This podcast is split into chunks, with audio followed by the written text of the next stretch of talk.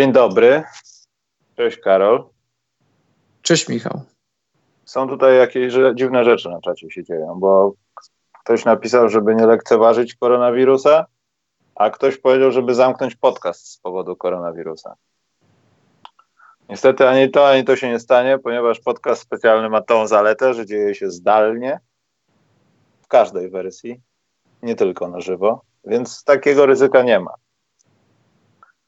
No chyba, że u Karola są jakieś rzeczy, że się mogę zarazić czymś, no to nie wiem. Nie, u nas nie ma. U ciebie jest panika? Wykupują wszystkie mydła, ryże, beton, żeby zrobić yy, schron, czy nic? Tylko beton. Tylko beton, ale są jacyś chorzy, czy w ogóle tam? Nie żadnych. Była taka rodzina, była na wakacjach w Teneryfie, na Teneryfie i byli podejrzani, ale się okazało, że nie mają.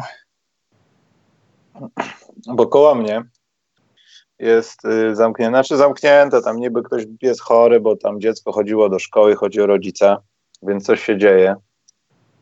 Mecze Polskiej Ligi Koszykówki, Karol, proszę Ciebie, nawet bez mediów będą, tylko media przyklubowe będą uczestniczyły w tych spotkaniach. Mhm. Więc chyba zaczniemy od tego smutnego akcentu, jeśli chodzi o sezon 19-20, ponieważ już się okazało, że najbliższy mecz Warriors-Nets odbędzie się bez kibiców wcześniej, Karol popraw mnie, ale LeBron James chyba zmienił zdanie na temat występowania z czy bez kibiców i powiedział, że może bez też grać, czym pokręciłem coś. Na początku powiedział, że sobie nie wyobrażam, ale no potem właśnie, zmienił tak. zdanie. Ale mi się to podobało, zdanie, bo powiedział, że jeżeli liga chce w, tą, w tę stronę iść i jeżeli taka jest opinia ludzi, którzy się na tym znają, to on się przychyla do tego. To jak dla mnie bardzo dobra zmiana zdania a jednocześnie paradoksem całej tej sytuacji jest to, że no, należy się spodziewać, że więcej organizacji e, pójdzie tym torem, że będzie starało się grać spotkania bez kibiców, to jednocześnie bilety poszły w dół o 30%. Może się okazać, że te bilety będą niepotrzebne, ale to tylko taki szczegół. Myślisz, jak się Karol będzie grało bez kibiców? Słabo kibice robią atmosferę przecież na meczu. Byłeś na niejednym meczu NBA, wiesz jak jest. Czy wyobrażasz sobie grać przy pustych trybunach, żeby, to, żeby mecz NBA się odbywał przy pustych, no bo grać no to... Na, znaczy ja nie, w ogóle nie wyobrażam sobie tego świata NBA, kiedy będzie słuchać piszczenie butów, krzyki z ławki, żeby ktoś się zmieniał i kozłowanie piłki same, bez wtórowania kibiców. To nie wyobrażam sobie tego. Dla mnie to jest jakaś abstrakcja. I też się zastanawiam, jak zawodnicy będą grali w takich warunkach, bo to też niby takie proste jak trening, ale takie też nie do końca jest takie, bo już przeciwnik już nie możesz zwalić tego na brak komunikacji, bo hałas, bo to, bo tamto, bo sramto. Po prostu gracie w kosza sobie, bo wynajęliście halę w wielkim skrócie. No. Jest, jest, całkiem inaczej. Ja, się, ja jestem właśnie ciekaw, jak to będzie wyglądało od strony tej organizacyjnej, jak y, dla nas, jeśli będziemy chcieli to na League Passie oglądać, czy będziemy słyszeć wszystko, bo jeżeli siedzi się blisko parkietu na meczu NBA, to się słyszy, że ja już to mówiłem i pisałem wiele razy. Zawodnicy bardzo narzekają na, na sędziów. W zasadzie każdą akcję kwestionują, czy, czy, czy jest no call, czy jest call to ten, który faulował, jest niezadowolony praktycznie za każdym razem. Jestem ciekaw, czy w ogóle będzie, będzie dało się usłyszeć takie rzeczy, no bo chyba nie, nie odkrywam przed nikim Ameryki, jak powiem, że zawodnicy prze, przeklinają czasem, a nawet często. Ciekawe, czy, da się, czy będzie się dało to słyszeć. E, no tak, to, to będzie taki globalny inside tracks, że wszyscy będą pod mikrofonem, wiesz, nawet jak nie będą, to będzie słychać mnóstwo przekleństw i takich tam rzeczy, wiesz. No, ale pewnie jakoś to będzie, będą te kamery. Że co, zagwizdałeś Gary? Dlaczego to zrobiłeś, Gary? Tak, o wiesz, w ogóle te dyskusje, to, to jest w ogóle bardzo ciekawe, jak, jak na linii rzutów wolnych sobie stoją zawodnicy i tam sobie dyskutują, czy z sędzią, czy między sobą. raczej wątpię, żebyśmy słyszeli 100% tego, ale jakieś tam strzępy, to, to, to, już będzie coś. No ja to, ja to widziałem przy parkiecie, no to, to nie jest dla mnie nic nowego, ale dla kibiców te, takich, którzy są przyzwyczajeni do normalnego oglądania NBA z kibicami i słychać tylko trochę tego, to jestem właśnie ciekaw, jak to będzie, kiedy nie będzie kibiców. O, to też będzie dobra. No czy to najpierw doczekajmy momentu, żeby absolutnie w większości, jak nie wszystkie spotkania były rozgrywane bez kibiców. No ale dobrze, to zostawmy, to przed nami no, liga będzie reagowała i nawet przesadzała. Trudno się dziwić w takiej sytuacji. Nie ma co tego główna bagatelizować, ale też nie ma co zbyt przesadnie traktować tego tematu. Jest jak jest po prostu no, i trzeba to obserwować. Więc Karol, może przejdźmy po prostu do basketbolu, koszykówki. Zrób. Na plus rzeczy ja bym, bo potem będzie gorzej, potem co nas spienia możemy zrobić. I mam jedno, ale to ze Stanów, to z koszykówki bardziej. Co, Karol, stało się na plus w ostatnim czasie, jak nas nie było? Absolutnie nic. Bo ja też odnoszę niestety takie wrażenie, że mogliśmy powielić poprzedni tygodni, poprzednio tygodniową sekcję plusów właśnie mniej więcej o to. Nie, no, chyba naprawdę. stało się złych rzeczy niż dobrych. Znaczy, y, jeśli chodzi o plusy, no to ja już to dzisiaj mówiłem w przerwie, ale y, chyba Utah Jazz zasługuje na plus, Karol. I chyba troszeczkę ten plus powinien powędrować do tej osoby, którą nie chcę mówić opluwaliśmy, ale mówiliśmy, że może nie podoła, może nie da rady, czyli Mike Conley. Wiesz co, ja bym powiedział, że raczej taki ani plus, ani minus, no bo za ostatnich 10 meczów 5-5 yy, oni w zasadzie wygrywają z tymi, z którymi muszą wygrywać, a przegrywają z tymi, z którymi powinni walczyć i być może będą się z nimi tam potykać w playoffach. Ale no, w przeciwieństwie do ostatnich tygodni wygrywają, Karol. To się... Nie no, to, to tak.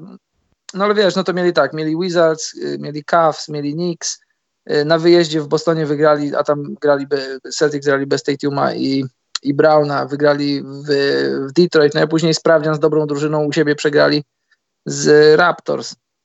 Tak trochę w kratkę po tym, jak zaliczyli ile tam chyba cztery porażki z rzędu. I to wszystkie cztery u siebie. Mieli taki homestand pięciomeczowy, wygrali tylko z Miami, a później cztery razy przegrali. Wiesz, ja już ci mówiłem parę razy, że śledzę ich dosyć bacznie, bo mam zakład sezonowy i ten zakład powoli mi ucieka przez właśnie na przykład takie, takie serie czterech porażek. Wcześniej tam w trakcie sezonu mieli chyba, nie chyba, bo widzę teraz mam przed oczami pięć.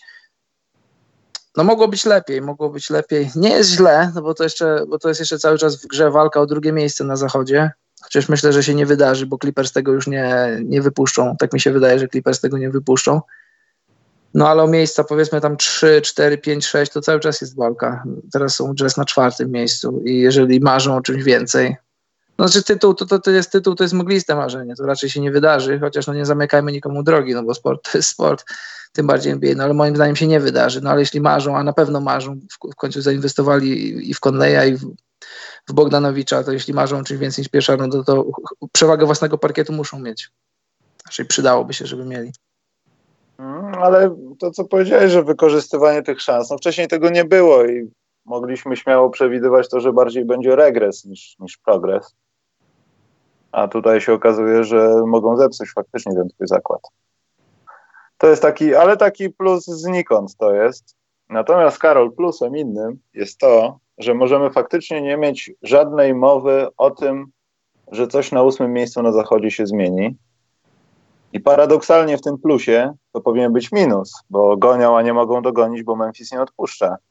Ale świetnie grają ostatnio Pelicans. W sensie wygrywają mecze. Robią to, to co muszą robić, żeby nie stracić tego, co starają się nadgonić, bo tylko mogą teraz polegać na potknięciach Memphis, którzy mają niełatwy terminarz, bo grają bodajże dwa razy z Raptors, grają z Bostonem, który miewa czkawki, pewnie będzie w minusie grają z czasami kompletnie bez identyfikacji jakiejkolwiek kim są, chociaż to się rzadko zdarza, ale takimi Miami hit ostatnio czasem i mogą przegrywać te mecze po prostu.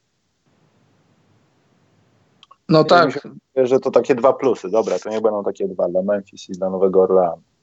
Ale też osobno można by było dać Lonzo Bolowi.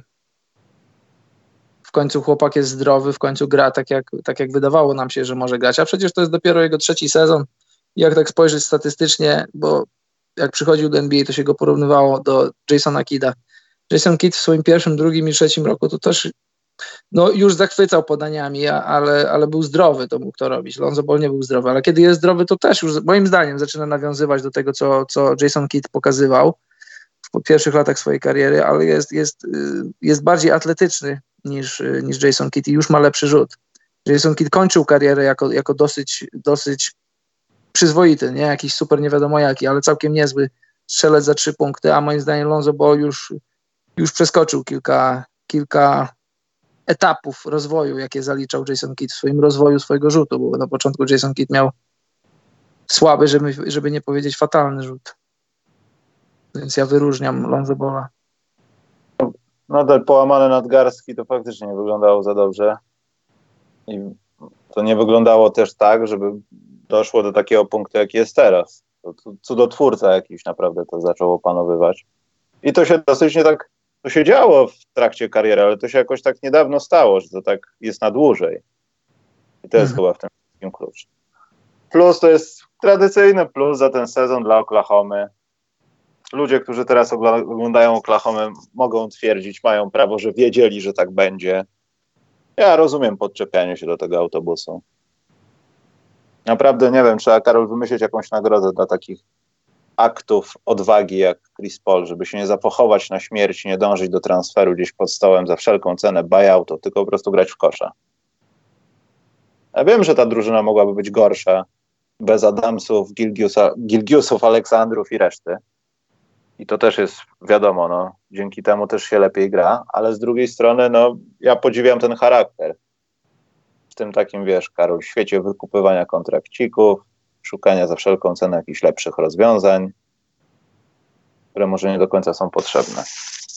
No, jak dla mnie jedna z najbardziej pozytywnych historii tego sezonu, bo o ile na papierze ten skład y, zawsze był ciekawy, o tyle nie spodziewaliśmy się, że ten skład zostanie utrzymany z różnych przyczyn.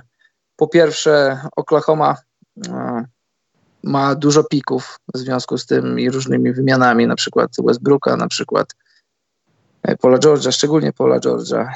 Y, mieli zawodników takich, którzy, którzy byli e, na radarach innych drużyn i wydawało się, że jest dosyć logiczne, żeby ci ludzie zostali ruszeni, na przykład Adams, na przykład Galinari, na przykład Chris Polo, chociaż wiadomo, że z racji wysokiego kontraktu to nie było łatwe i pewnie te rozmowy gdzieś tam się toczyły, bo jakieś tam strzępy plotek do nas dochodziły, że Galinari był blisko Miami i że podobno wymiana rozbiła się o to, że, bo już Galinari na, nawet negocjował sobie kontrakt z Miami, ale podobno właśnie szczegóły tego kontraktu, tego przedłużenia nie zostały dogadane, bo Galinari nie chciał iść do nowego klubu i, i za parę miesięcy być wolnym agentem i, i ewentualnie wylądować z niczym, że, że, było na włosku, że ta drużyna zostanie rozbita, ale nie została rozbita i, jak dla mnie to jest jedna z fajniejszych historii takich ogólnie w sporcie, bo masz właśnie tego Chrisa Pola, e, którego, w, którego Rackets zwątpili, a może nie, może nie, nie, nie wszyscy Rackets, tylko po prostu James Harden, a jak masz wielką gwiazdę i wielka gwiazda idzie do, do twojego GM-a i mówi, masz wytransferować tego gościa, to nie pytasz dlaczego, tylko to robisz. I Chris Paul miał coś do udowodnienia i światu koszykarskiemu, i sobie.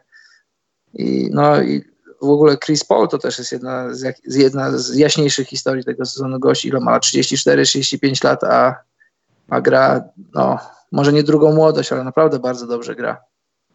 I pytanie, czy chociaż no, teraz Westbrook lepiej, no nie licząc tych ostatnich paru wpadek, to, bo to nie jest aż takie ważne, ale tak na początku przez parę miesięcy, czy, czy nie żałowali tej wymiany, bo Chris Paul robił robotę, a Westbrook trochę zawodził, no teraz to się odwróciło.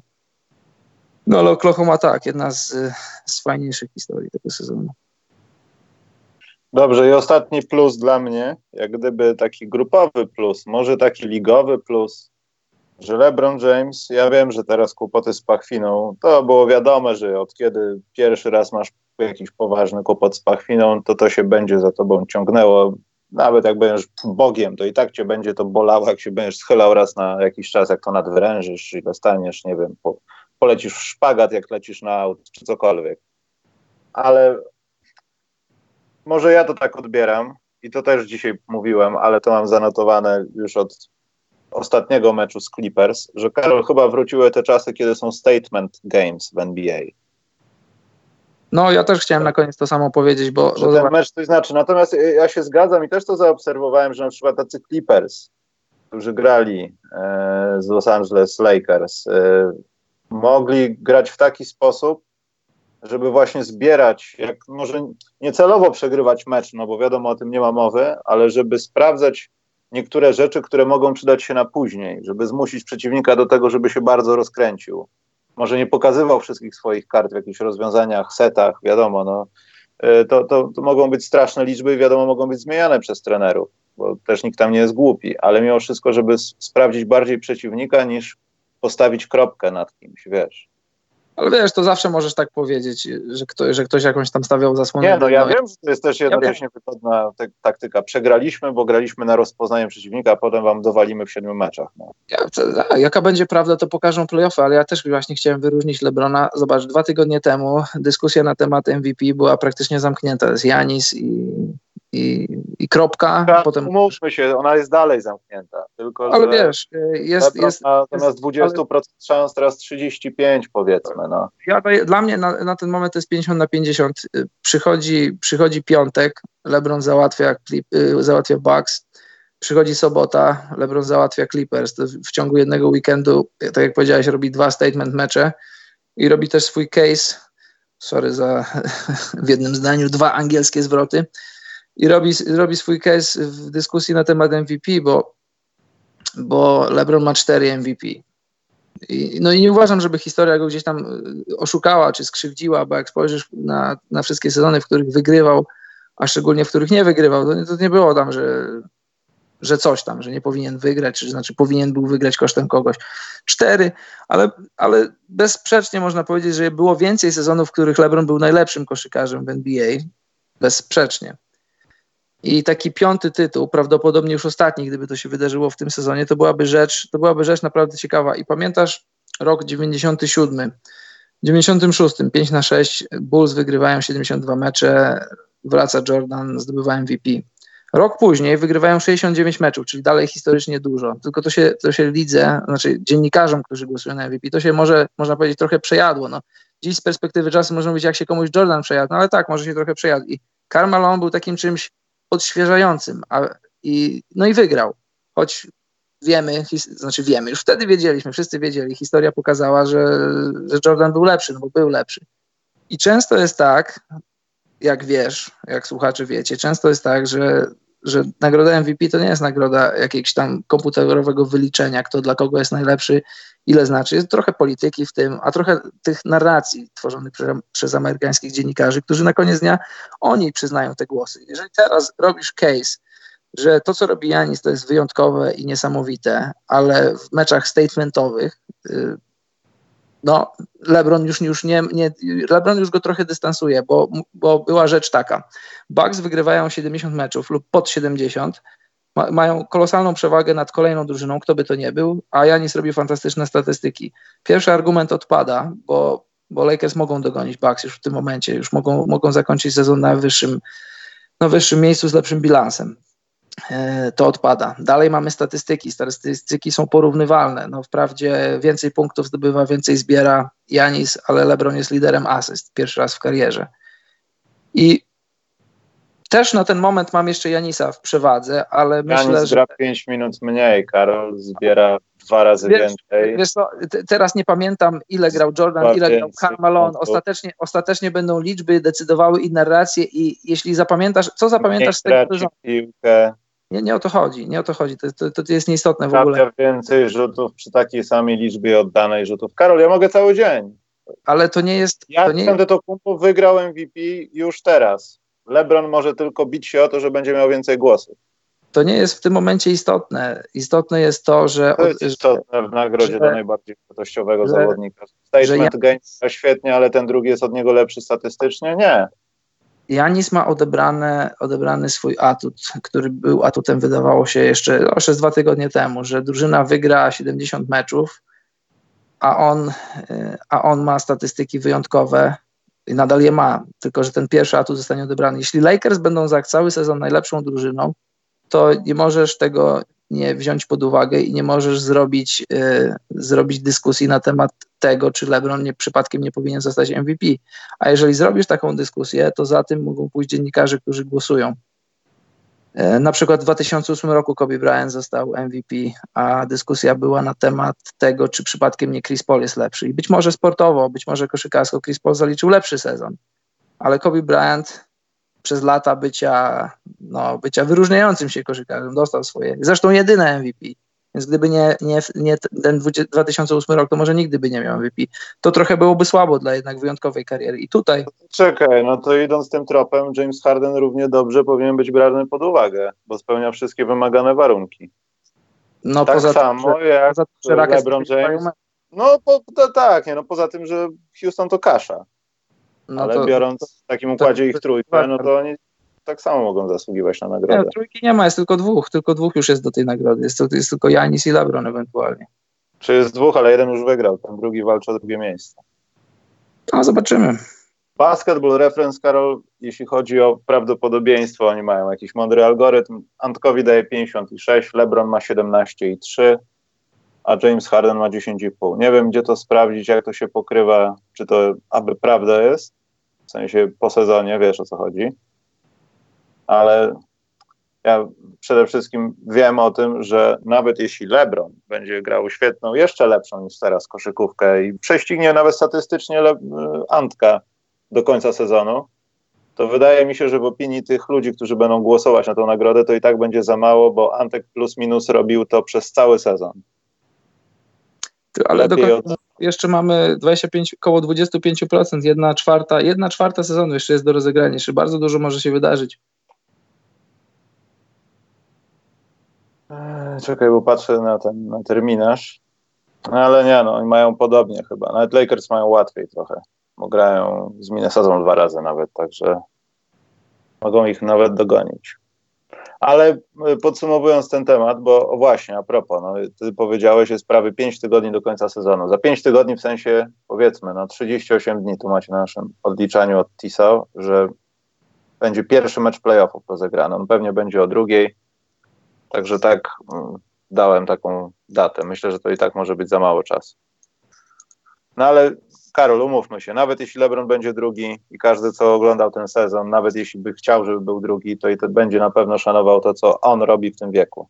To jest bezapelacyjnie rzecz, na którą myślę, że dzisiejszej generacji koszykarzy może nie być stać, stać po prostu. Zdrowotnie. To też jest kwestia szczęścia, ale to jest naprawdę fenomen grać w tym wieku, w ten sposób. No. I to też jest argument, który ktoś weźmie pod uwagę przy, przy głosowaniu na MVP. Dobrze, jeśli chodzi o plusy, bo ja mam jeszcze minus związany z LeBronem, ale to bardziej dla dziennikarzy. Jednego dziennikarza, który powiedział taką trochę dziwną rzecz i zacząłem o tym trochę myśleć i pomyślałem, że to faktycznie może być case tej, tym głupim USA, e, ale plus chciałbym dać Indianie. Indiana, jak wróciło Ladipo i był Brogdon, wyglądali nawet dobrze. Ja wiem, że to, to już tak może nie wyglądać przez jakiś najbliższy czas, ale znowu się o nich nie mówiło, a tymczasem coś tam dobrego się dzieje z powrotem. Ja czekam na, na ich playoffowych, takiego Sabonisa playoffowego, jak ta drużyna będzie grała, kiedy będzie naprawdę grała o coś. No Indiana zawsze po cichu. Po takich, ile oni mieli, jakieś tam trzy porażki z rzędu, czy cztery, a teraz wygrali siedem z ostatnich dziesięciu. Wszystko się dzieje hmm. po cichu, bo tam są zawodnicy tacy mało, mało medialni, ale, ale to dobrze, bo znaczy dobrze, dobrze dla nich, bo po co im ten rozgłos? Robią, oni robią, robią rozgłos swoją grą na boisku. I to chyba ostatecznie o to chodzi. A, i jeszcze pamiętam, był taki słuchacz, który miał y, tutaj nickname na YouTubie Bydlak z Hollywood i on chyba był panem Orlando Magic. Trzeba dać plus Orlando Magic, bo nie wygrywają mecze. To pozornie może być bez sensu, bo już tak w zasadzie to o kolejność bardziej, ale, ale wygrywają mecze i to mi się podoba. I te mecze nawet, nawet są dobre, Karol. Mi się podobają niektóre mecze Orlando Magic, a tak nie było zawsze. Także to jest chyba koniec plusów, chyba że masz jakiś jeszcze. Nie, chyba nie już. To minus. Pierwszy minus wędruje gość, znaczy gość, pan dziennikarz z ESPN-u, Dave McManaman, chyba, nie wiem. McManaman. Manana. E, tak, y, no. Powiedział, e, bo tam też była dyskusja. Widziałem tylko klip wycięty, nie widziałem całego programu. Może to, nie wiem, było odniesienie, ale nie brzmiało jak.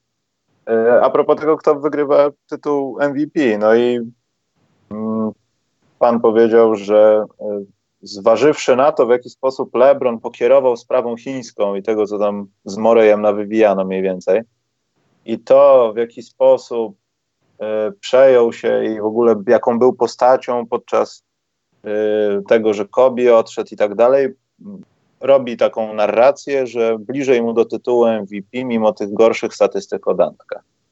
Jak to usłyszałem, to nie wierzyłem, Karol, że takie rzeczy są, ale potem pomyślałem, że to faktycznie może być sprawa, że LeBron może być po tym sezonie odbierany jako ktoś więcej w NBA, tak jak kiedyś był Jordan, wiesz.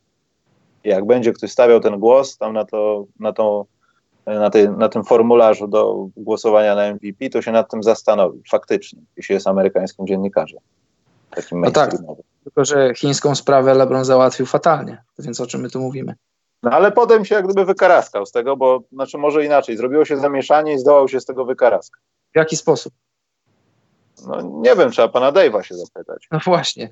Nie, to, to, to, nie, to, ja powiedziałem na początku, ja uważam, że, że wyścig o MVP jest jeszcze, trochę się otworzył, szczególnie po ostatnim tygodniu, no ale argumentów, jakich ten pan użył, to są takich rzeczy pozaboiskowych, wiesz, bo to, to, to, są, to są fatalne argumenty, bo one nie mają nic wspólnego z tym, co bierzemy pod uwagę przy wyborze MVP. Gość, yy, dla kogo on pracuje? On nie pracuje dla ESPN-u. Nieważne, gdzie on pracuje, ale no, gość się kompromituje.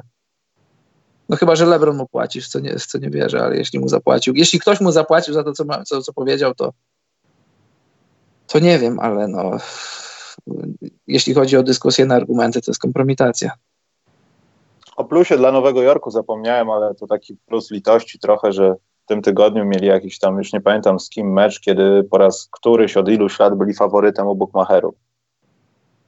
Czy coś takiego, z jakąś lepszą drużyną powyżej czegoś tam. To było zawiłe oczywiście, jak na amerykańskie zawsze zaawansowane statystyki, ale było coś takiego. Natomiast ja mówiłem to już dzisiaj, że się trochę cieszę, że to nastąpiło, bo ta ściana, ale Obawiam się, że po dwóch, trzech miesiącach wyśmienitej gry Kristaps Porzingis może, może mieć większy dołek. Te dwa spotkania ostatnie fatalne. No, nie wiem, co trafił 7 rzutów na 200 podejść. No i mam nadzieję, że to, Jezu, o czym ja mówię? Mówi, chciałem powiedzieć o Dallas, Boże, nie o Nowym Jorku. E, że Kristaps ma fatalny, fatalny okres i to, to chyba jest dobrze, że to się dzieje teraz, natomiast to, bo cały czas nie wierzę w ten zakład Nowego Jorku. Cały czas myślę o tym, że Nowy Jork może być lepszą drużyną niż Brooklyn, bo to też będzie kolejny minus. I w jaki sposób e, w Dallas to się wszystko e, no, rozwiąże. Jak długo będzie trwał ten dołek? Bo jeśli ten minus będzie fatalny, to Karol, umówmy się, Doncic sam musi liczyć na Kristapsa, musi go mieć. Jeśli myślą o czymś więcej niż graniu po prostu w baskecie. Ale w tym sezonie to, wiesz, kolejnym, kolejnym etapem w tym sezonie to jest y, zdrowy Kristaps i on zaczyna być zdrowy, bo y, przed tym dołkiem miał bardzo dobre mecze, jakieś takie... To jest to, żeby się pokazać w końcu, że jesteśmy z nie, no, nie. i wam wszystkim chciałem to powiedzieć, zanim mi przerwałeś. Kolejny krok, y, krok po tym, jak zaczęli grać razem. Kristaps wraca zdrowy i pokazuje, że umie grać w koszykówkę. To się stało. Dallas wracają do playoffów, to się dzieje. I, I, to jest tyle. Trzeba spokojnie, trzeba spokojnie, nie przesłodzić herbaty. Oni nie grają o tytuł i myślę, że sobie zdają z tego sprawę. Chcą na pewno się dobrze pokazać w playoffach, no ale te, na ten moment są na siódmym miejscu, graliby z Clippers. No nie mają szans. No może mogą wyrwać jakiś mecz, powiedzmy tam, nie wiem, przystanie 3-0, wygrać czwarty na, na 1-3, pojechać do Clippers i przegrać 4-1. Nic więcej się w tej serii nie wydarzy. I, i, ale ten sezon trzeba by, nawet gdyby przy takim scenariuszu, to ten sezon trzeba uznać za, za udany, jak najbardziej udany. Po latach wracają do playoffów, Kristaps wraca do zdrowia, Doncic robi kolejny krok w stronę bycia przyszłym MVP sezonu i, i trzeba się cieszyć, będąc fanem Mavs.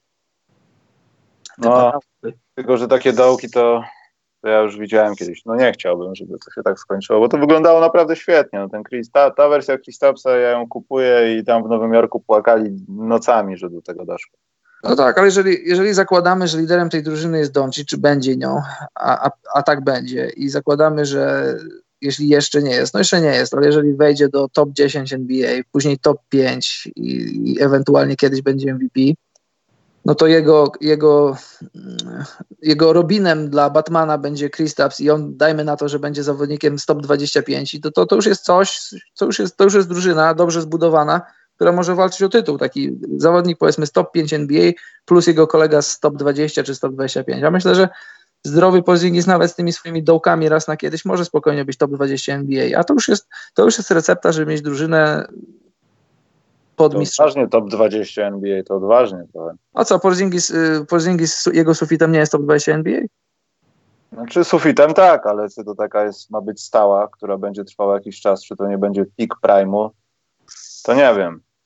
No ale to tak, Karol, to nie jest Marcin Gortat. Póki rzuca, jest wysoki, jest w miarę mobilny, spokojnie można nawet podwyższyć ten level top 30 i on będzie się w nim utrzymywał, no, jeśli będzie sprawny i będzie grał tak jak przez ostatnie 2,5 miesiąca.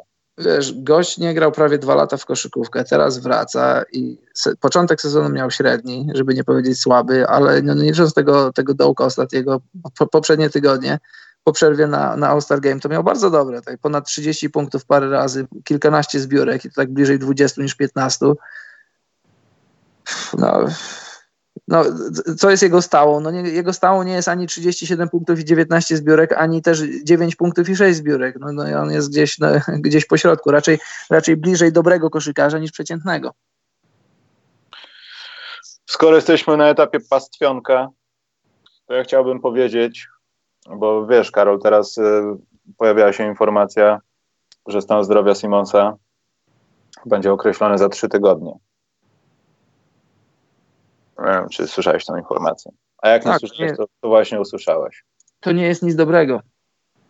To I nie są tak, dobre Patrząc na to, co, ile mają do ugrania, jak mają łatwy terminarz pozornie i, i różne takie rzeczy, hashtag Shake Militon, to no, Filadelfia nie wypadnie z playoffów. Ale na co tej drużynie playoffy, bo to będzie zgroza, Karol. Oni prawdopodobnie mogą no, po prostu nie podejść do playoffów z Simonsem. Bo jeśli to się tak tyle ciągnie, można się spodziewać, że na przykład go ewentualnie w pierwszej rundzie nie będzie. No tak, ale czy przypadkiem Może. to nie jest recepta, czy to nie jest recepta przypadkiem na to, żeby Embiid, jeśli będzie zdrowy, bo on też miał swoje problemy, czy to przypadkiem nie jest recepta na to, żeby zmaksymalizować talent Embida? Jeśli będzie zdrowy. No, jeśli będzie zdrowy. To raz, a dwa, czy to też nie jest jakieś chytre obejście może Ben Simmons powinien odpocząć, ale widzieliśmy, że Minnesocie dano karę, więc bolą go plecy. Rozumiesz? Bolą go plecy. No, wiesz, no kto wie. No ale nie chcę o to podejrzewać, broń Boże, zespołu. Natomiast y, patrząc na to, co się dzieje w Filadelfii, ja wiem, że Minnesota jest na innym biegunie. To nie jest podobnie trochę? Ja wiem, podobnie że tam playoffy. No tak, nie, że nie możesz patrzeć na tę organizację, bo one poczyniły, no, jedna no może nie poczyniła, tutaj nie ma porównania akurat, ale przypominają bardzo siebie nawzajem, mimo że pozycje, w których są, są diametralnie inne. Bo ja obserwuję, ja wiem, że kłopoty ze zdrowiem to jest jedno, ale chyba to, co powiedział ostatnio Butler i JJ Redick na temat tego, że e, Miami e, nie są, Miami, przepraszam, Miami, że Filadelfia przypomina organizację, która nie ma celu, no to się chyba potwierdza. Tylko, że mają tyle szczęścia, że mają dobrych zawodników, którzy mogą wypracować wynik i zostawić tą taką, wiesz, zawiesinę nadziei, a, bo zagrali trzy świetne mecze, Embiid zabił resztę, pokazał Antkowi, gdzie raki zimują, czy komuś tam i nagle jesteśmy świetni. Na takim sobie wschodzie z naszym talentem. Wiesz, no, ty, no nie do końca, no bo nie mają celu. No mają cel, mają cel, żeby zdobyć mistrzostwo i to już od, od powiedzmy dwóch lat, tylko że tylko że wykonanie tego planu może nie jest najlepsze i co, może Elton Brand nie jest naj, najlepszym GM-em, no na pewno nie jest najlepszym, a czy jest dobrym, to tego jeszcze nie wiemy. Bo wiesz co, ja chciałem to trochę obronić, bo może to brzmi jak głupota, ale wiesz co, pamiętam jak rozmawialiśmy o tym, jak była ta hałaburda między Embidem i Karlem Antonem Townsem. Potem, no nie oglądałem Townsa teraz, bo, bo go nie ma, więc e, stwierdziłem, kurczę, no chciałem zobaczyć, jak grał Karl Antony Towns i oglądałem jakieś stare mecze. Dochodzę do wniosku, że pomijając, że to, to jest dwóch innych graczy, chociaż jeden stara się na siłę czasami przypominać tego, kim nie jest, rzucić za trzy punkty, mówię tu Embidzie, wychodzi mu, świetnie, nie wrzuca, ale widać, że to czasami nie jest jego świat, a to jest bardziej świat Antonego Townsa. Karol Antony Towns wydaje się być po prostu lepszym koszykarzem, a tego nie wykorzystuje, dlatego tak się po prostu tragicznie. I ma początek sezonu świetny, a potem albo kontuzja, albo w ogóle jakieś dziwne rzeczy, bo będę miał najlepszego kumpla w drużynie i potem znowu mnie nie ma. A co, że Towns, że Towns jest lepszy od Embida? No, że może być lepszym koszykarzem, jeśli chodzi o talent, ale go nie wykorzystuje z różnych przyczyn. Tego, co się dzieje w zespole, z nastawienia do gry, wiesz, no. O to mi chodzi bardziej. Słuchaj, nie wiem, nie wiem, czy się zgadzam z tobą, musiałem się zastanowić. No, rzutowo jest lepszy, lepszą ma trójkę, lepszy ma kozioł ewentualnie, no ale w obronie Embiid go niszczy. W ruchach podkoszowych no, są... No. W ruchach podkoszowych są powiedzmy grą tyłem do kosza, no powiedzmy, że są porównywalni, choć ja uważam, że Embiid jest lepszy, ma lepszą pracę nóg. E, jeśli chodzi o dominowanie, no to Embiid jest lepszy. Z czego to wynika? Czy to wynika tylko ze, ze sfery czysto psychicznej, tego nie wiem, no ale Embiid to jest silny chłop. Czy Kat jest silnym chłopem? Nie wiem. Nie pokazał mi tego nigdy. Nigdy chyba nie zobaczymy obu koszykarzy na 100%. To mnie martwi, że nie możemy tego potwierdzić. Ale w dzisiejszej koszykówce taki Antony Towns, jeśli wiesz, no, robiłby wszystko, co by mógł, to by nawet nie było mowy o tym, że ktoś go zabija w polu trzech sekund, bo by go tam nie było. A robił to wielokrotnie, pokazywał, że ma promyki tego.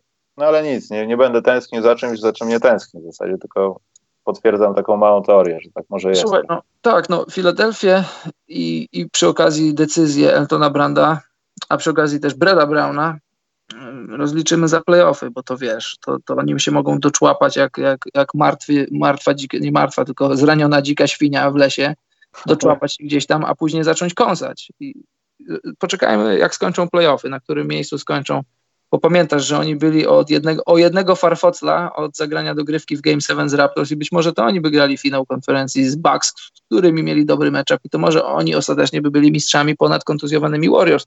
Tego nie wiemy. Więc ja bym, no poczekajmy tych parę tygodni, jak zakończą playoffy wiesz, drużyna na papierze może mieć dobry matchup przeciwko większości drużyn. Zagrają, wiesz, y, wolniej, w playoffach każde posiadanie się liczy, jest mniej posiadań, dużo rzeczy może się dziać. Wystawiasz wielki skład, wielki atletyczny skład i w obronie drużyny będą miały ciężko atakować Filadelfię. Tylko, że tylko, że to się musi wydarzyć. Nie wiemy, czy to się wydarzy. Czekaj, zerkam na czat, może coś się dzieje, trochę pytań jest. A poczekaj, bo tak mi się no. przypomniało a propos Filadelfii, bo tam widziałem gdzieś, wrzucałeś coś na Twitterze i ktoś się odniósł do tego, że ja powiedziałem, że Tobias Harris nie jest warty połowy swoich pieniędzy i czy ja przypadkiem nie widziałem jego w ostatnich meczach. Tak, właśnie widziałem i to jest właśnie to. To jest właśnie to. Przepraszam, nie, nie powiem imienia, bo nie pamiętam, kto to napisał. E, 28 punktów y, z Sacramento. Wspaniale. 34 punkty z Nowym Jorkiem, wspaniale. Generalnie nie wspaniale, taki jest Tobias Harris. Tobias Harris y, beneficjentem był y, bycia w słabej drużynie Pistons, gdzie sobie stukał statystyki, później w przejściowych Clippers, gdzie sobie stukał Ale statystyki. jesteś Karol Hamem takim bez pamięci. To, Tobias Harris nie jest zawodnikiem, który kreuje dla siebie w meczach, w których się wygrywa, w których idziesz po coś. I, no i I tyle. No. Ja nie jestem hejterem Tobiasa Harrisa. Tobias Harris jest mi całkowicie obojętny, ale no, jak dla mnie takie są fakty. Gość ma 27 lat, on już lepszy koszykarsko nie będzie. Ewentualnie może być przez parę lat taki sam, a, a być może gorszy. Ale Karol, wiemy jak cenni są zawodnicy, którzy tutaj można się zgodzić, że jest przepłacony, ale został przepłacony w sposób taki, że się pokazywał z takiej, a nie innej strony i po prostu dobrze wynegocjowano kontrakt. No to tak. Po prostu to, to, to, nadwyżkę tego, co robił wcześniej, plus minus to, co zarabiał i poszła progresja, jak to się mówi.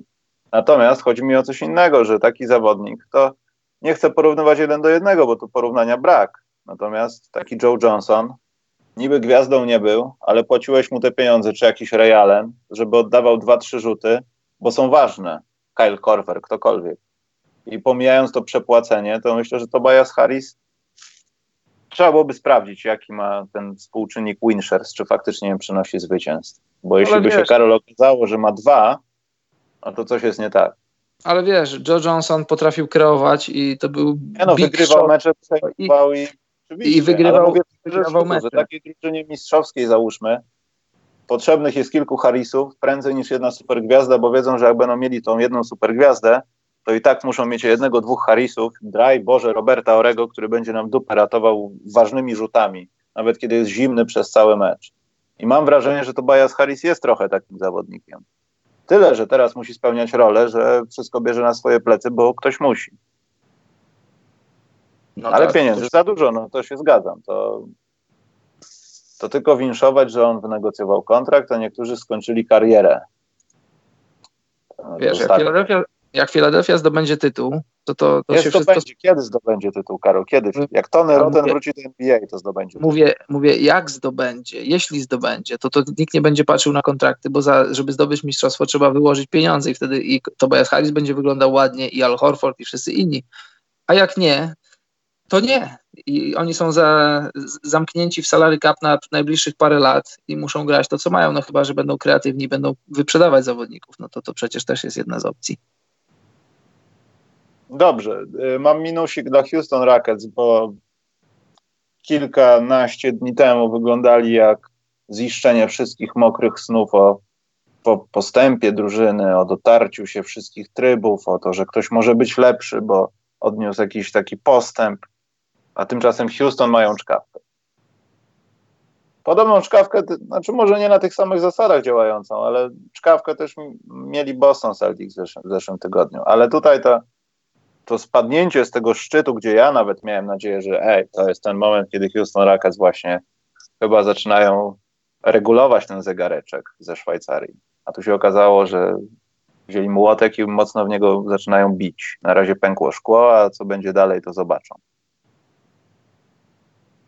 Tak mi się wydaje. I mogą stracić nawet to szóste miejsce na rzecz Dallas. A, chyba nie. Chociaż kto wie. Myślę, że nie stracą, ale Dwa spotkania różnicy, to nie, nie ma tragedii, Karol. I jeszcze miałem minus, ale czekaj, gdzieś go zapisałem sobie. Trochę taki minus dla Denver, że Mike Malone czasami ma rację, jak jest wkurzony na nich i Denver trochę jak zwykle o tej porze roku mają jakieś kłopoty, jakieś tendencje. Albo wygrywają i są super ekstra w sezonie, albo mają kłopoty i muszą z nich wychodzić. Nie wiem, czy to zauważyłeś. To tak ze 2-3 lata, że w marcu są gwiazdą studniówki. I ani są na próbach, wiesz o co chodzi.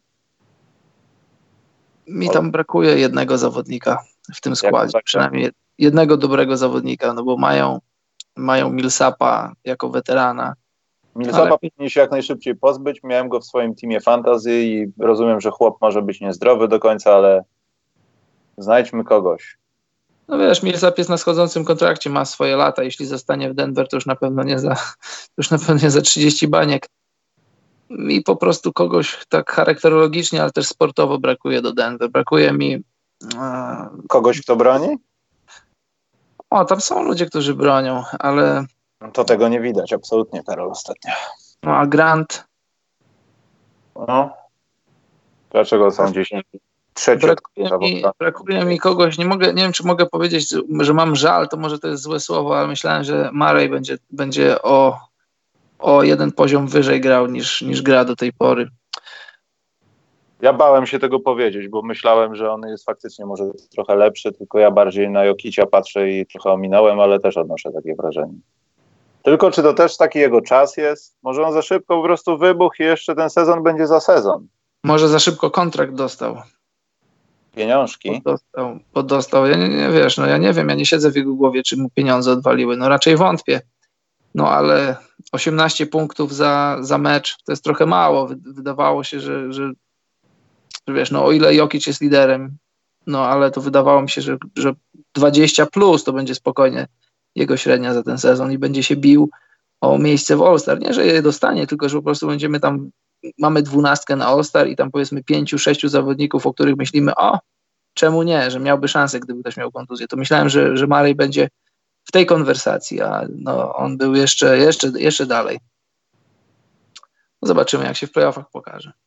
Sezon Masz jakieś średni. minusy jeszcze? Jak najbardziej, jeden, ale bardzo duży. Jezu.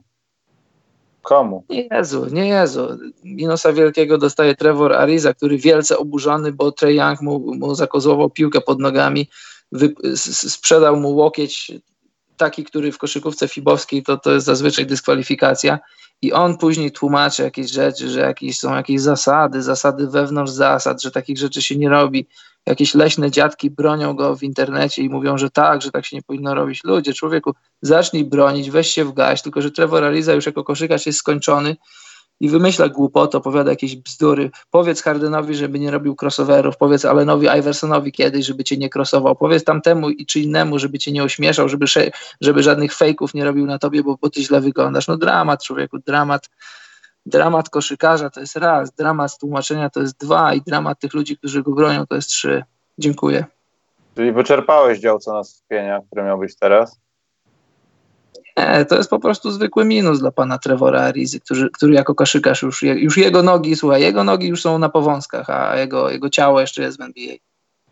Myślałem, że użyjesz jakiś porównania z krematorium i tak jestem zadowolony, żeby być delikatny. Dobrze, masz coś do co nas wpienia, bo to chyba jeśli chodzi o minusy i plusy to tyle?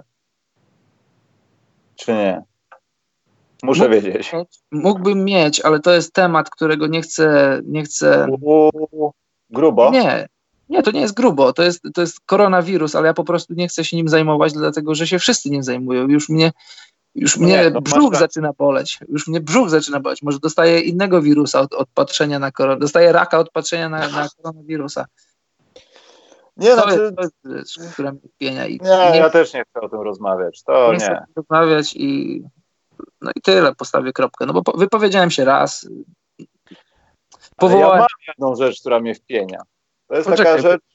No. Powiem tylko jedno zdanie. Wypowiedziałem się raz, powołałem się na swoją żonę, której, której wiedzę szanuję i cenię, bo wiem, że ją ma, bo pracuje w zawodzie i tyle. Ja nie chcę robić siebie nie wiadomo kogo, bo nie jestem nie wiadomo kim, nie jestem lekarzem, nie jestem, nie jestem, jestem osobą z wykształceniem medycznym, wiem tyle, co wy z internetu, czytam, śledzę, ale za dużo jest tego wszystkiego, jest za, naprawdę tego wszystkiego jest za dużo, jest za dużo paniki i sensacji robione i, I to jest rzecz, która mnie kolejny raz wpienia i, i chciałbym, żebyśmy my nie, nie dołączyli do tego trendu i nie wypowiadali się już na ten temat, bo już za dużo tego wszystkiego jest. Już? Już, tak, dziękuję. Ja chciałem powiedzieć, że wpienia mnie brak logiki podczas budowy metra, ponieważ niedaleko mojego domu budują metro. I Karol, nie rozumiem tego. Nawet przez moment chciałem kogoś zapytać kompetentnego w jakimś urzędzie, nie wiem, od przyrody w mieście, ale stwierdziłem, że to bez sensu, bo pewnie nie, nie dostanę odpowiedzi. Ale Karol, masz trzy drzewa na ulicy, masz, nie? Takie w miarę świeże, niskie, mają po kilka lat, ale w stosunku do innych są w miarę młode. I masz, Karol, potem dalej takie starsze drzewo, znacznie większe. Inny gatunek, kompletnie, no po prostu masakra w porównaniu do reszty drzew. No i z racji tego, że drzewa są przy ulicy, no to, że przejeżdżają ciężarówki z budowy, no to tam są pewnie jakieś przepisy, które mówią o tym, żeby trzeba osłonić drzewa takim specjalnym, takim wiesz, takim, takim płotkiem ala, coś, drewienko jakieś dać, bo coś tam, żeby drzewa się tam nie truły i tak dalej. Zgadnij, które zostały w ten sposób potraktowane. Te młode czy te stare? Te stare. Brawo. Mało tego, te nawet, które nie były przy ulicy, zostały budowane tym płotkiem, natomiast te trzy młode nie.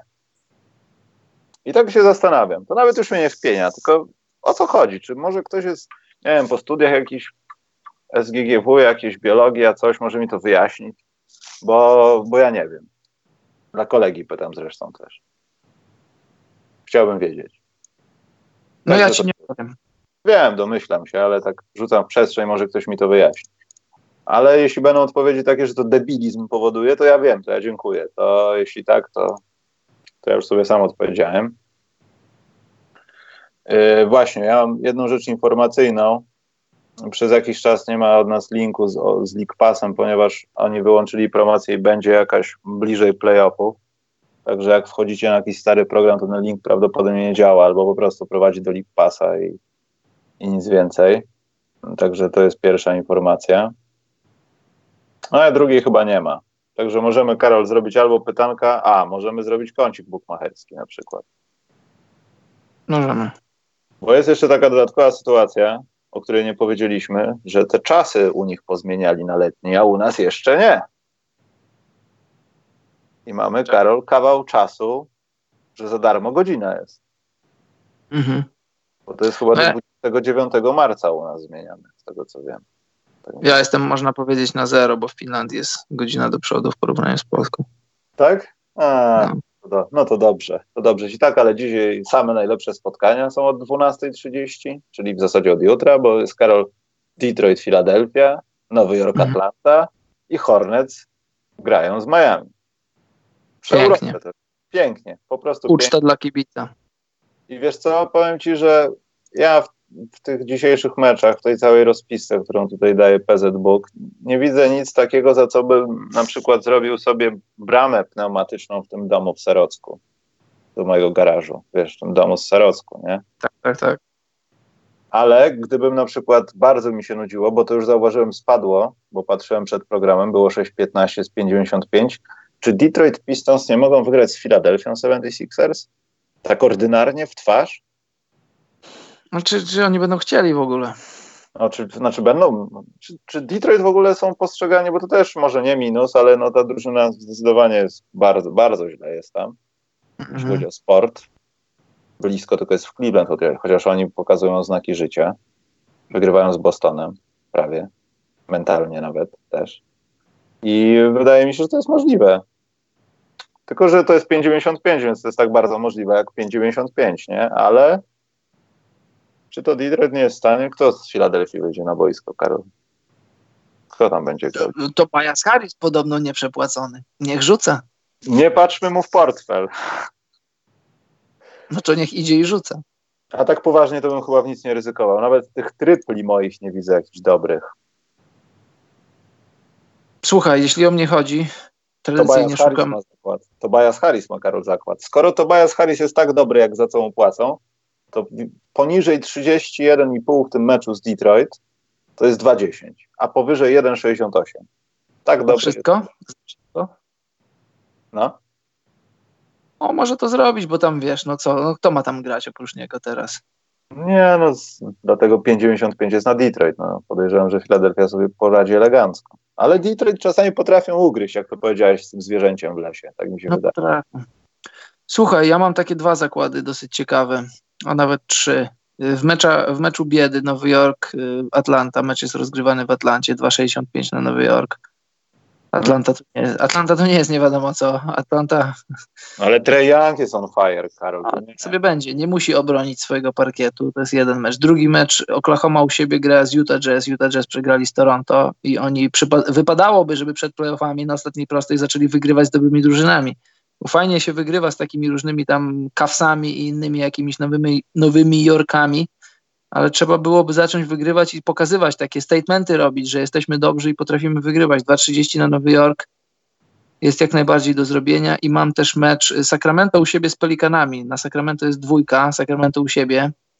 E, to e, jak on się nazywa? Ten mój ulubiony koszykarz z Sacramento. Patrz, wleciał mi z głowy. Buddy Hilt? Nie, ten drugi. Kurczę, patrz. Dostałem zaćmienia. Jaron Fox? Nie. To tam jest więcej twoich ulubionych koszykarzy? Harrison Barnes, ludzie, zapomniałem.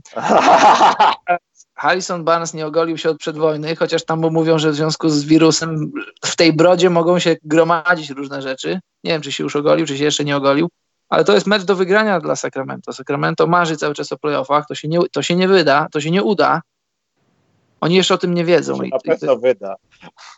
To się nie wyda, to się nie wyda, to się nie, to znaczy to się wydało już, że to się nie uda, ale oni cały czas wierzą i to jest mecz w ich zasięgu jak najbardziej. Tym bardziej, że u siebie, u siebie z Pelikanami. Za dwójkę. Takie moje trzy zakłady. No dobrze, to, to odważnie dzisiaj widzę. Ja bym na to Detroit 2 złote może tam przelał. Ale nie, to, y, bo to, co powiedziałeś o tym Nowym Jorku, e, znaczy przepraszam, o Utah Oklahoma. Co mi tak się będą te zespoły dzisiaj? Utah Oklahoma to też będą derby ZUS-u, bo Mike Conley gra z Chrisem Polem. No tak. Derby ZUS-u albo NFZ-u, zależy jak patrzeć. To będzie ciekawy swoją drogą pojedynek. No oni jeszcze, oni jeszcze odprowadzają składki. No, ale już coraz częściej myślą o tym, jak brać, niż płacać. No tak.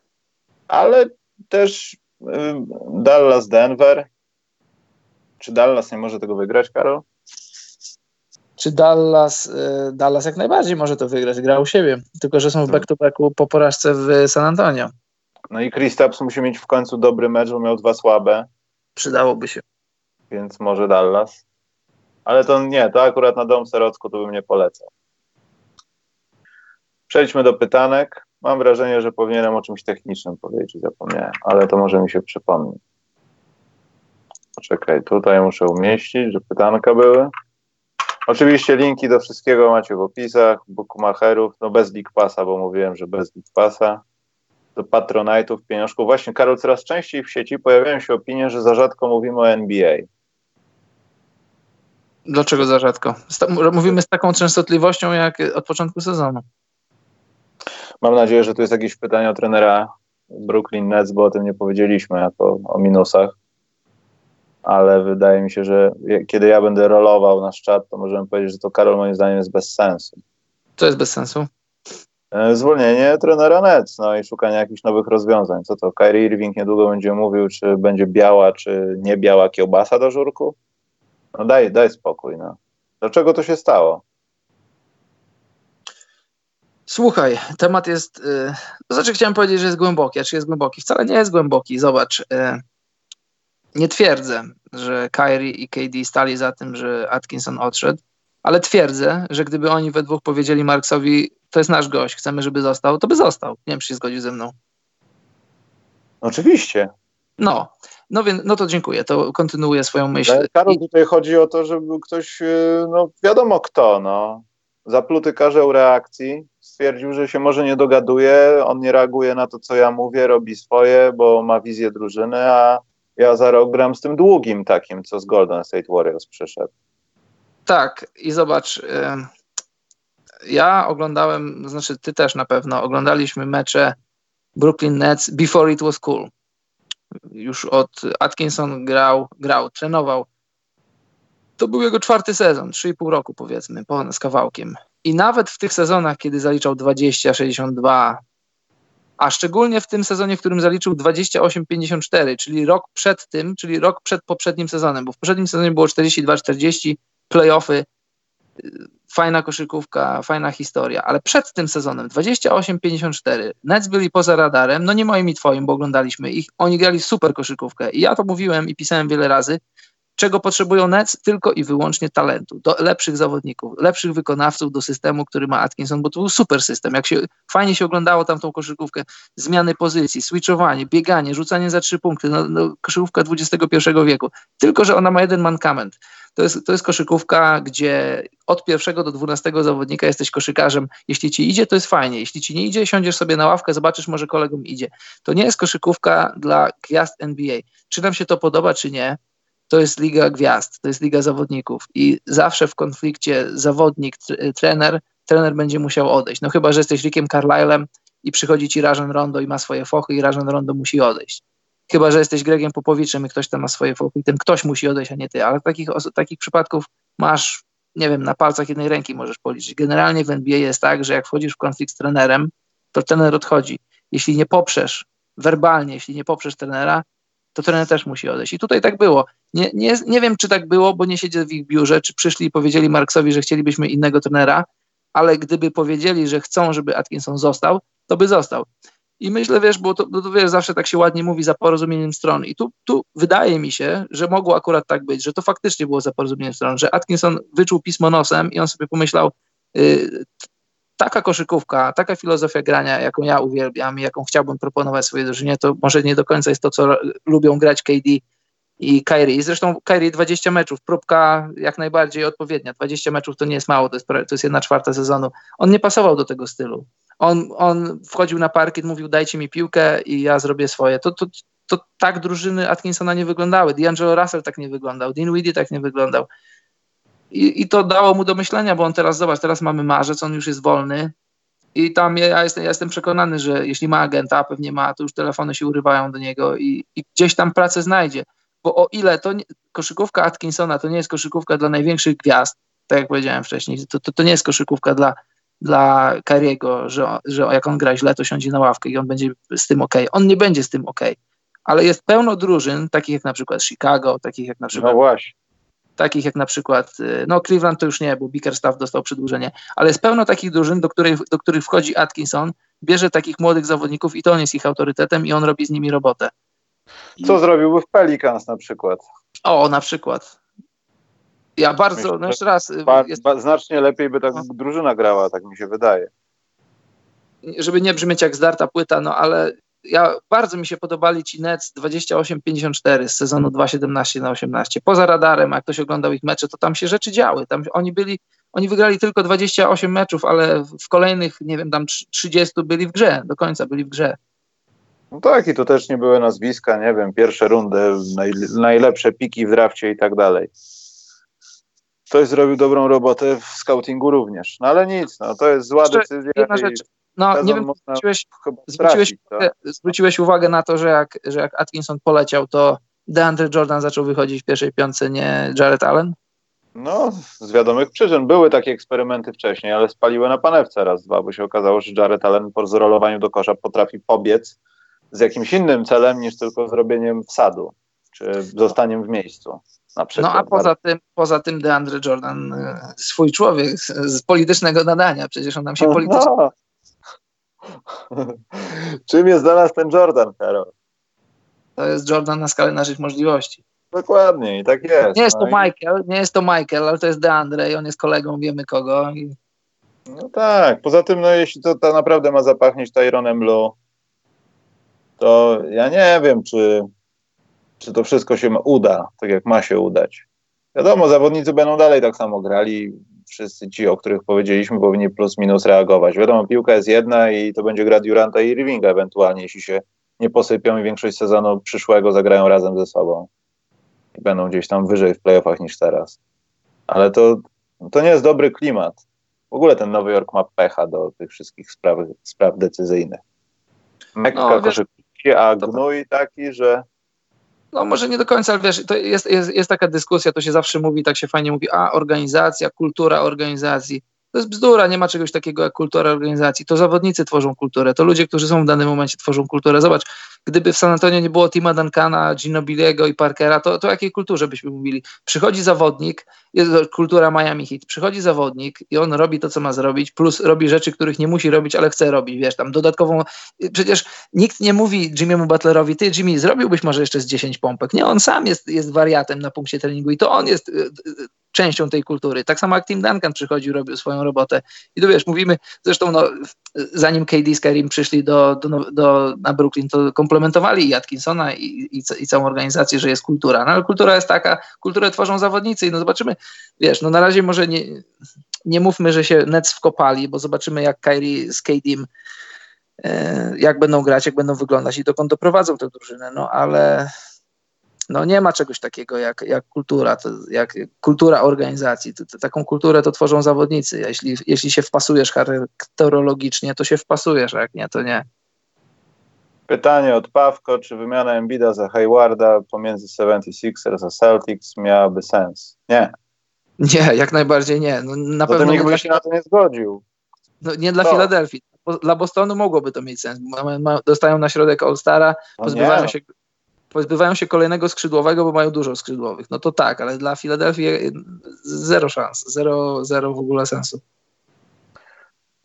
Ricky LaFleur pyta, Daniel Tice, czy to kwestia systemu Brada Stevensa, czy gość jest poziom wyżej niż w zeszłym sezonie, czy już się stał naprawdę solidnym defensorem? No jest lepszy niż w zeszłym roku. I nie A przypisujmy... Nie jest dlatego, że gra lepiej, znaczy tfu, więcej? O to, to oczywiście, jak najbardziej. To tak jak case Bam Adebayo kontra, kontra Hassan Whiteside. Nie ma Whiteside, a Adebayo dostaje szansę. No ale wiesz, gdyby się Tice nie rozwinął do tego stopnia, żeby dawać mu minuty i szanse, no to Kanter by go wygryzł. Pawko ma, miał jeszcze dwa pytania. Kto zwalczy koronawirusa i dlaczego to będzie Greta? Następne pytanie. Siedzieli, śledziliście Mistrzostwa Polski U20? Nie. Nie. Znaczy coś tam patrzyłem, kto wygrał, grał, miałem tam jakichś znajomych chłopaków, ale jakoś tak bez, bez sensacji. Pawko też zapytał, co, jak ktoś tutaj widzę, że jakiś dopalacze brał. Czy dostaliście albo ktoś z waszego otoczenia dostał propozycję prowadzenia jakiegoś programu w kanale sportowym na YouTubie u pana Borka, Smokowskiego i Stanowskiego? Ma być coś o kosz? Nie. Nie. Ja się nie wybieram nawet. Pawko mnie zapytał, czy śledziliście draft camp przeprowadzany w Polsce w wakacje. Tak, byłem przez kilka lat tam. Karol też nie był. Nie, Karol nie był, ja byłem. Który draft według Was był najgorszy w historii NBA? Dla mnie 2013. Nie, nie. pamiętam głowy. Jestem za stary, żeby takie rzeczy pamiętać. Michael Olokowandi, Kawaj, Kawaj, Kwame Brown. To, ten, to draft, ten draft, w którym Antony Bennett był jedynką. Antony Bennett, gość z nadwagą i z astmą. O, tak, duszący się. Fajną rzecz powiedział a propos tego draftu Mike Brown. Nigdy nie widziałem, żeby człowiek tak szybko się potrafił męczyć i tak bardzo pocić.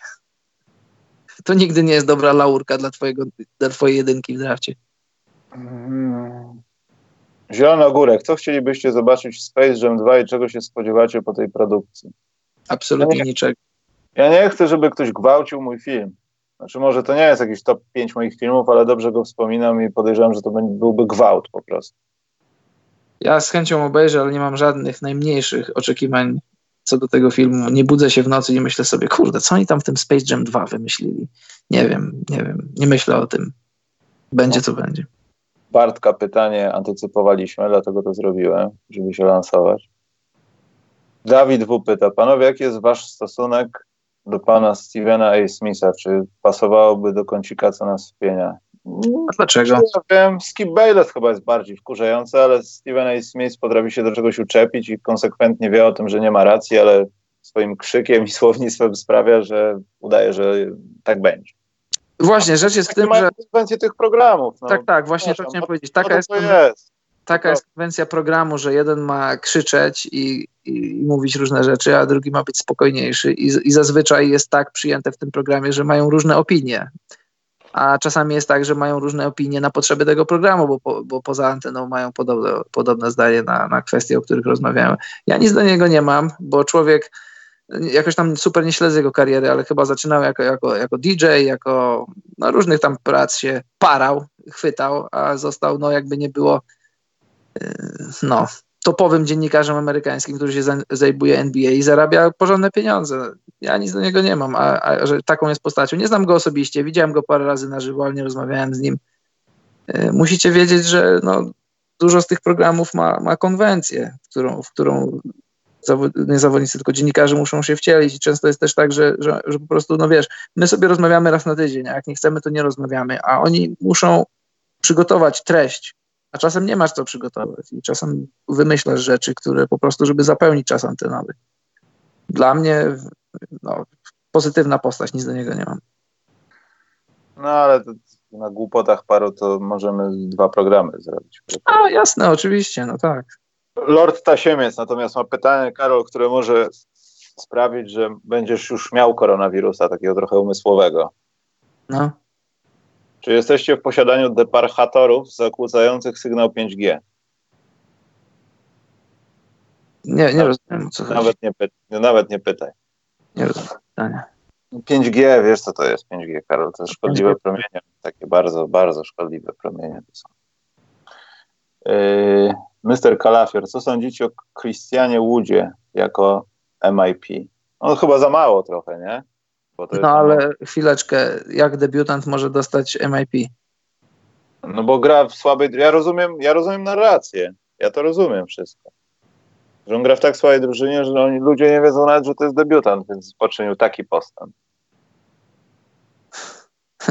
nie, Nie, ale chyba faktycznie nie było takiego przypadku, żeby ktoś taką nagrodę dostał, nie? nie no debiutant nie może dostać nagrody dla gościa, który poczynił największe postępy, no bo nie ma, nie ma odniesienia.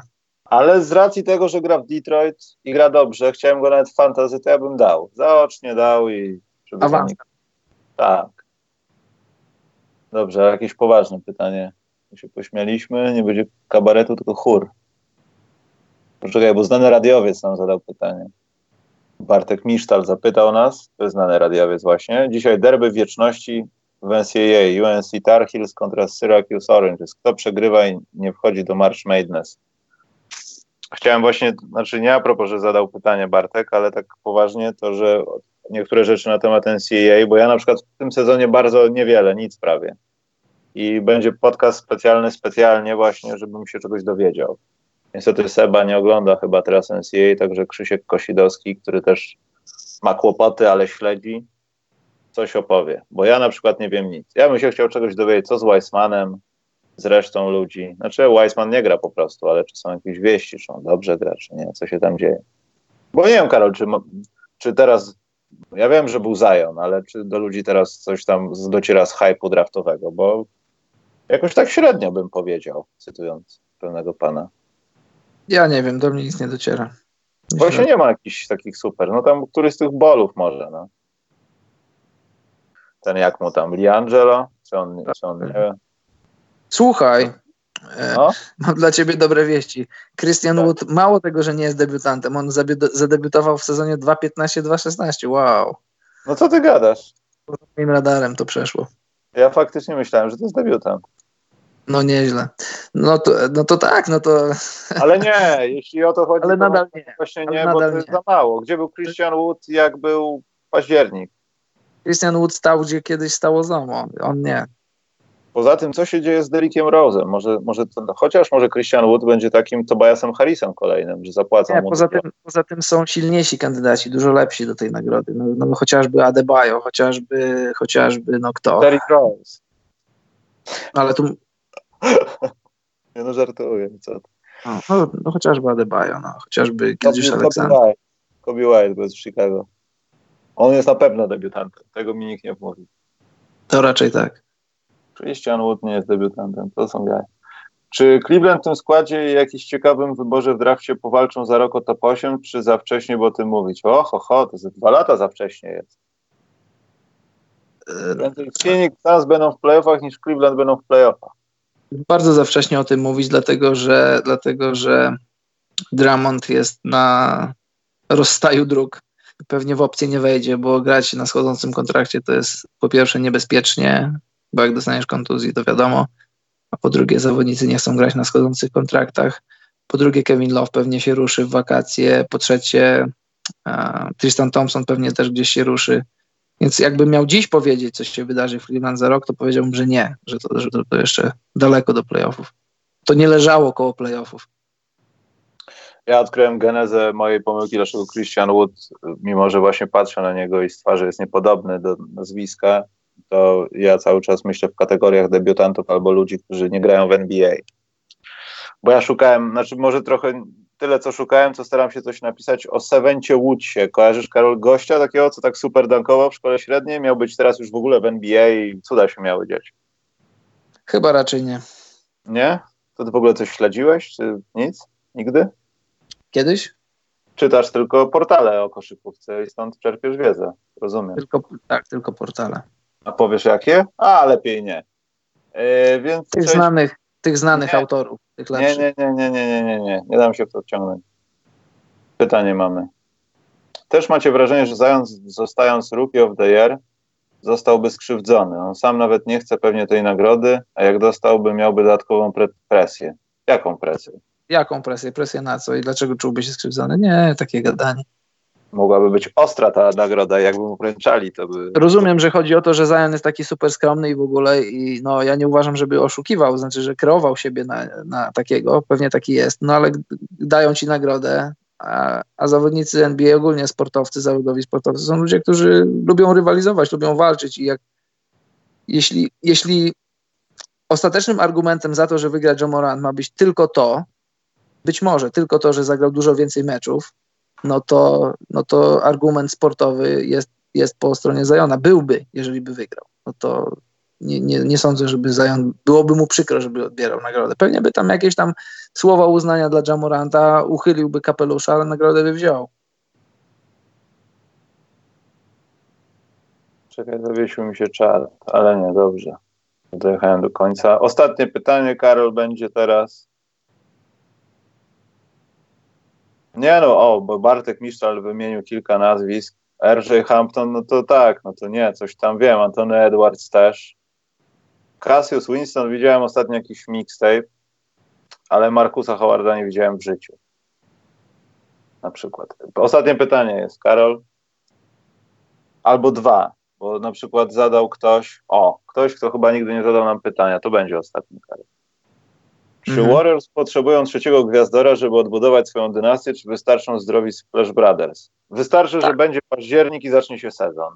Tak, potrzebują trzeciego. Jest nim Draymond Green, ale no, on, on się nigdzie nie ruszył. Oni mieli trzy gwiazdy i, i, i tyle. No. Przecież Ktoś wcześniej pisał, był... czy Draymond Green w naszym teamie pajaców byłby. Nie, dlaczego? No ja bym go na listę rezerwową wpisał, ale bym chyba go nie dodał do tego zespołu. Słuchajcie. Czasami zachowuje się jak pajac. Ja wiem, ale słuchajcie, drodzy, drodzy słuchacze, dajcie sobie spokój i nie obierajcie żadnych stron w tych takich dyskusjach Barclay, Jamon Green albo tego typu dyskusjach różnych innych, bo to, to w ogóle nie ma sensu, szkoda, szkoda w ogóle to śledzić.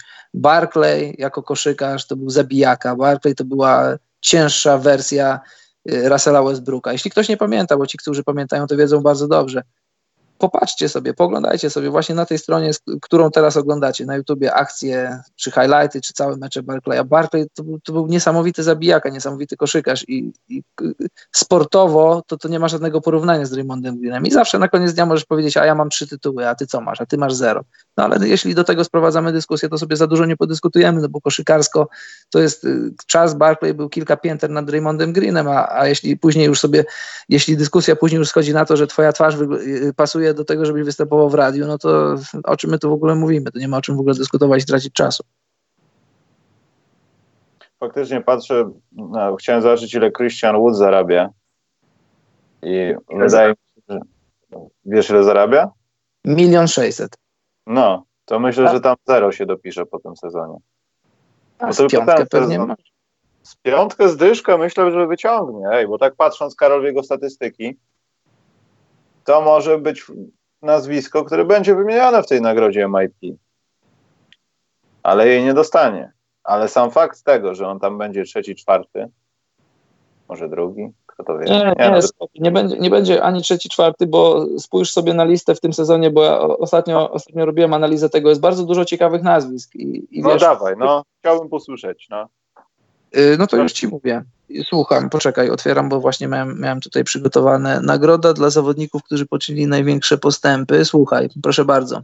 Brandon Ingram, Jason Tatum, Bama Debajo, Luka Doncic, Devonte Graham, Shea Gilgis Alexander, Domantas Sabonis oraz Trey Young. To jest y, przykład, przykład z jednej strony Bookmachera. No to gdzie tu wsadzisz? Ale, ale, ale, ale, ale, poczekaj, poczekaj. Z tego układu moim zdaniem można byłoby wyrzucić, chociaż też może niesłusznie, ale dajmy na to, że to byłoby bardziej sprawiedliwie, że Trae Young i Doncic to nie są zawodnicy, którzy w zeszłym sezonie grali po minutę na mecz i rzucali jeden punkt. Oni bardziej są bliżej tej kategorii, że już tych, ta nagroda ich nie dotyczy, jeśli coś złego się nie stanie w ich karierze, rozumiesz? Czyli Trae Young, gdyby teraz coś by mu się, broń Boże, stało, przez 10 lat grał kupę, wrócił do NBA, rzucałby po 20 na mecz, to by dostał tą nagrodę. Myślę, że oni no nie tak. są brani pod uwagę do tej nagrody. No ale słuchaj, zrobili skok z. Oczywiście, z, zgadzam się. Z przebojowych debiutantów na poziom All-Star. Ale to jest taka, wiesz, bieda edition MVP po prostu, trochę. Ja czasami odnoszę takie wrażenie. Y, trochę tak, ale to jest bardziej nośne. No ja, słuchaj, no Christian Wood y, zrobił wielki postęp, no, szczególnie, że on już gra kolejny sezon w NBA, a nie, pierwszy. On był całkowicie... No dobrze, no ale tam wcześniej było ile? Z 50 spotkań w trzech sezonach. Nie, nie, to właśnie prawda, że w ogóle, że dostał miejsce, dostał minuty. No to, to jest godne na pewno wyróżnienia, ale nie takiego, że był gdzieś w gronie tych finalistów, czy gdzieś tam mówimy, czy przypadkiem nie, czy przypadkiem on nie zasłużył. No moim zdaniem konkurencja w tym sezonie jest za silna. Tylko dlatego. No bo jeżeli, jeżeli odrzucimy z tego grona Doncicza i Younga, z czym mogę się zgodzić bez problemu, no to zostają przypadki zawodników, którzy naprawdę zrobili wielki postęp i, i naprawdę grają dobry basket i, i tyle. To nie jest klucz tej całej mojej myśli, ponieważ nawet niech będzie piąty. Tu chodzi o progresję zarobku, że właśnie my rozmawialiśmy wcześniej o Harisie, a może patrzymy na jednego, który się dobrze zareklamował, dobrze zagrał, dostanie pieniądze i potem mówimy, Boże, ile on dostaje pieniędzy tam. Słuchaj, no, jeśli ma, jeśli ma, jeśli jego agent jest gościem z głową na karku, no to trzeba spieniężyć takie coś. Z ośmiu rzutów, z ośmiu rzutów na mecz robi prawie 13 punktów. 55% skuteczności, 6 zbiórek. W Detroit. No w Detroit, no. No właśnie, i to jest nawet szóste miejsce już wtedy, wiesz, przesunięcie następuje, bo lepsze drużyny są pewnie brane pod uwagę, bo ten zawodnik coś naprawdę daje. No to, to, to tak samo jak jesteś Amerykaninem, przyjeżdżasz do ligi powiedzmy fińskiej, robisz 27 punktów na mecz, 12 zbiórek, 6 asyst i później z takim CV chcesz sobie znaleźć robotę we Włoszech czy czy w Hiszpanii też y, ludzie, no ach, tak wiesz, no, no niby tak, ale no to jest jednak Finlandia, a nie Hiszpania. No niby tak. Dobrze, przewijam, patrzę, nie ma żadnych dodatkowych pytanek. Kończymy, Karol, bo to już 1.30 się zbliża, 90 minut. Jak prawdziwy mecz tak. piłki nożnej. Tak, bo właśnie podobno jakiś mecz się teraz wyprawia się. Ja nie wiem, czy to prawda jest. Jakaś Liga Mistrzów, tak? Nie wiem. Także tego. Yy, zapraszamy do wszystkich linków, jakie są w opisach. Tam są wszystkie Patronite, Donki, yy, BZ Booki, bez NBA. Przypominam, że na razie zawieszona jest promocja, także pewnie link nie działa. No i ogólnie tam wszystko jest ponapisywane w opisie. Także Karol pozostaje tylko się pożegnać i możemy, możemy dalej na przykład nagrywać następną część podcastu na przyszły tydzień, bo pewnie się też nic nie zmieni. Dobrze. Ale że będą jakieś plusy. No nic. Dobrze. W razie do usłyszenia za tydzień. Trzymajcie się. Dzięki, żeś zadzwonił w ten środowy wieczór, a Państwu dziękuję serdecznie za, za słuchanie i dobranoc, mili ludzie.